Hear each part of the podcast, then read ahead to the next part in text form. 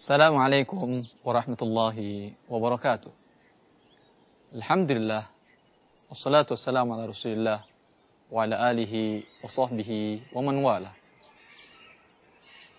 Setiap orang ingin merealisasikan dirinya sebagai orang merdeka, menentukan kebijakan sendiri, mengambil arah keinginan sendiri, tidak menjadi orang suruhan, bukan bawahan, bukan pekerja, tetapi mempekerjakan diri sendiri dan membawa orang lain untuk bekerja dalam usaha dia. Ini bagian dari tijarah, bagian dari sebuah perniagaan yang dianjurkan dalam Islam kullu bai'in mabrur. Setiap jual beli yang baik salah satu perbuatan dan amal yang sangat baik. Keinginan ini sering berhadapan dengan penghalang dengan tembok, tirai yang menghalangi, saya ingin berusaha.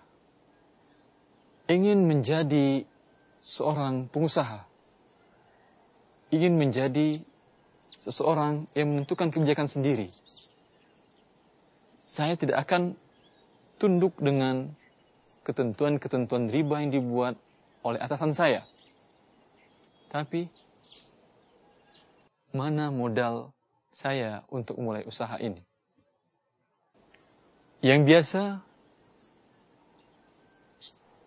dalam pikiran seseorang bahwa modal dia dalam usaha hanya satu dan bentuk pinjaman permodalan di lembaga-lembaga keuangan yang umumnya masih berbau riba atau memang murni riba masih dikelabui dengan riba atau memang itu adalah riba 100% dalam bentuk lembaga keuangan konvensional.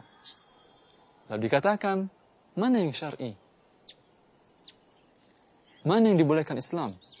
Dan langkah awal dalam mulai usaha, dalam bentuk modal, sangat menentukan kelanjutan dari usaha ini. Terbayang oleh Anda, bila sebuah usaha dimulai dengan sebuah dosa, anda ingin mencari rezeki Allah. Tetapi rezeki ini diketuk pintunya dan dibuka dengan kunci maksiat kepada Allah dengan meminta permodalan, pinjaman, riba. Sebegitu sempitkah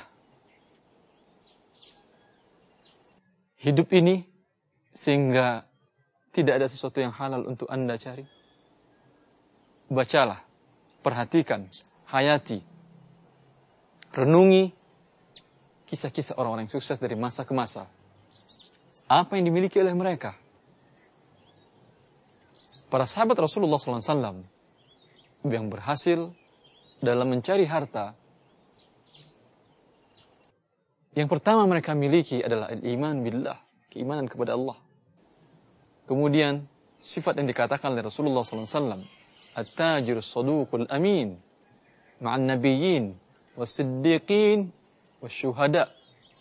Buat seorang pedagang yang as-saduq al-amin, yang jujur dan dapat dipercaya.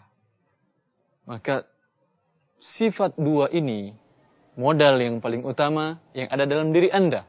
Sebelum modal materi, modal ini dahulu munculkan dari diri Anda, atau pupuk dan tumbuh kembangkan dalam diri Anda sehingga dengan modal jujur dan dapat dipercaya ini, Anda bisa mendapatkan modal dalam bentuk materi.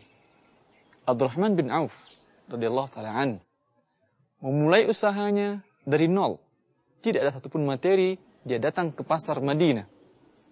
Padahal saudaranya menawarkan setengah hartanya, hibah. Tidak perlu dikembalikan. Kalau rugi, kamu usaha tidak ada tanggung jawab konsekuensi, tidak ada konsekuensi apa pun juga. Tetapi dia mengatakan, Barakallahu laka fi malika wa ahlik. Semoga Allah memberkahi hartamu dan keluargamu. Duluni ala suq. Tunjukkan aku di mana pasar. Datang ke pasar Madinah berbekal sifat as-sidq wal amanah, jujur dan dapat dipercaya, beliau memulai membangun bisnisnya mulai membangun usahanya sehingga menjadi orang yang kaya raya di masa itu. Apa yang beliau lakukan? Dalam beberapa riwayat dikatakan bahwasanya beliau membeli barang dengan cara tidak tunai. Membeli barang dengan cara tidak tunai, kalaulah bukan seorang yang dapat dipercaya dan jujur, orang tidak mau memberikan barang begitu saja dan bayar nanti siapa Anda. Bila Anda orang dikenal dapat dipercaya dan jujur, silahkan. Maka ini yang dimiliki oleh Rahman bin Auf. Dia membeli sebuah barang dengan tidak tunai, kemudian dijual dengan tunai dan dia telah mendapatkan keuntungan dalam hal ini. Mendapatkan keuntungan dan memulai usahanya dengan berjual beli sampai dalam beberapa saat dia sudah mendapatkan keuntungan sebesar biji kurma emas mahar untuk istrinya, untuk untuk istri dia sebagai maharnya yang sampai ketika dia wafat, para ahlu siar menjelaskan bahwa dia memiliki 3 juta dinar lebih kekayaannya yang dibagi-bagikan kepada ahli warisnya. Setelah sebelumnya harta dia banyak dikeluarkan dan diberikan fi sabilillah. Ini modal yang pertama. Modal yang kedua yang tidak kalah pentingnya. Lihat apa yang Anda miliki? Rumah, tanah, kendaraan, perabotan, apa pun yang Anda miliki, ini bisa menjadi modal utama. Bagaimana caranya? Jual barang-barang ini. Dikatakan kalau saya jual saya mau tinggal di mana, mau ini, mau ini gimana? Bisa. Jual hidup apa, apakah ala kadarnya, dan lihat orang merintis usaha. Tidak merintis dengan kesenangan dan keenakan serta kenyamanan. Dimulai dari pengorbanan memang. Yang ini Rasulullah SAW ajarkan kepada seorang Ansori. Sebelumnya, sahabat ini sebagai seorang peminta-minta, lalu Rasulullah ajarkan dia cara berusaha, sehingga terbebas dari sifat meminta-minta dan mampu menafkahi keluarganya datang kepada Rasulullah SAW.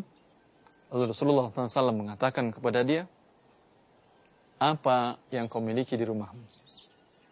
Dia mengatakan, tidak satu pun juga, kecuali satu helai kain yang lusuh dan satu kendi yang sudah lama. Kata Rasulullah, bawa dua barang itu kemari. Dia bawa dua barang kepada Rasulullah SAW. Lalu Rasulullah SAW jual barang ini dengan cara lelang. Man yashtari hadaini?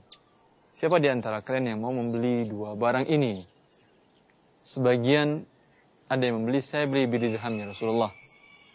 Rasulullah SAW, siapa yang mau menambah? Ada yang mengatakan, saya beli dua dirham ya Rasulullah. Maka Rasulullah SAW jual dengan dua dirham. Satu dirhamnya, beliau suruh sahabat ini membeli makanan untuk keluarganya. Satu dirham lagi, Rasulullah perintahkan dia untuk membeli kapak. Lalu Rasulullah minta agar dia membawa kapak itu kepada Rasulullah Wasallam dan Rasulullah pasangkan tangkainya sendiri dan mengatakan, idhab wahtatib. Pergilah dan cari kayu bakar dan jangan datang sebelum 15 hari. Setelah 15 hari dia datang kepada Rasulullah Sallallahu Alaihi Wasallam. Kemudian Rasulullah mengatakan, apa yang kau lakukan? Dia mengatakan, aku mencari kayu bakar dan aku jual dan sekarang aku telah mendapatkan 10 dirham. Dari modal 2 dirham, sekarang berbuah 10 dirham dalam masa 15 hari. Suatu usaha yang diberkahi oleh Allah Subhanahu wa taala. Maka Rasulullah mengatakan ini lebih baik kepada dari ini lebih baik bagimu daripada meminta-minta baik diberikan oleh orang ataupun tidak diberikan oleh orang. Dalam kasus ini yang menjadi pelajaran bagi kita bahwasanya sangat mudah bagi Rasulullah sallallahu alaihi wasallam mengatakan kepada para sahabatnya, "Wahai sahabat-sahabatku, siapa yang mau memberikan modal kepada saudaramu ini dua dirham?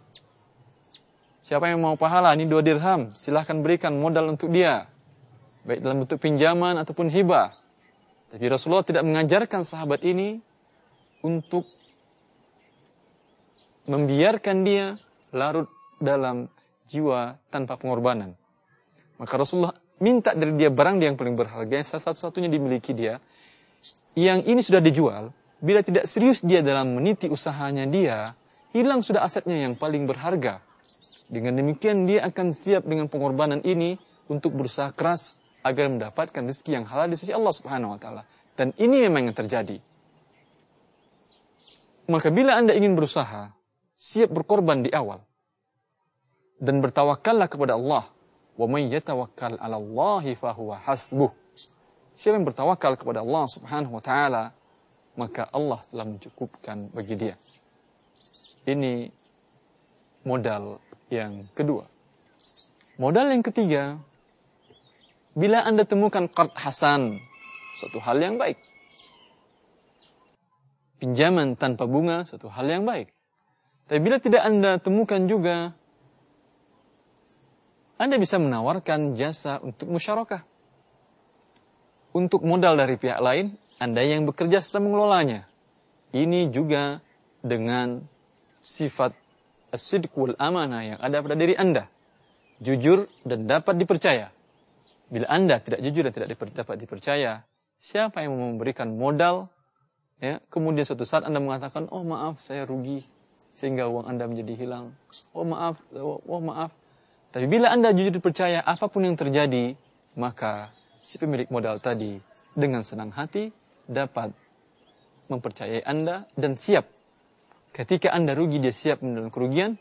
Dan ketika Anda untung, dia berbahagia dan sama-sama mendapat kebaikan dalam rezeki Allah Jalla fi'ula. Semoga ini bermanfaat bagi para pemula dalam mencari usaha. Assalamualaikum warahmatullahi wabarakatuh.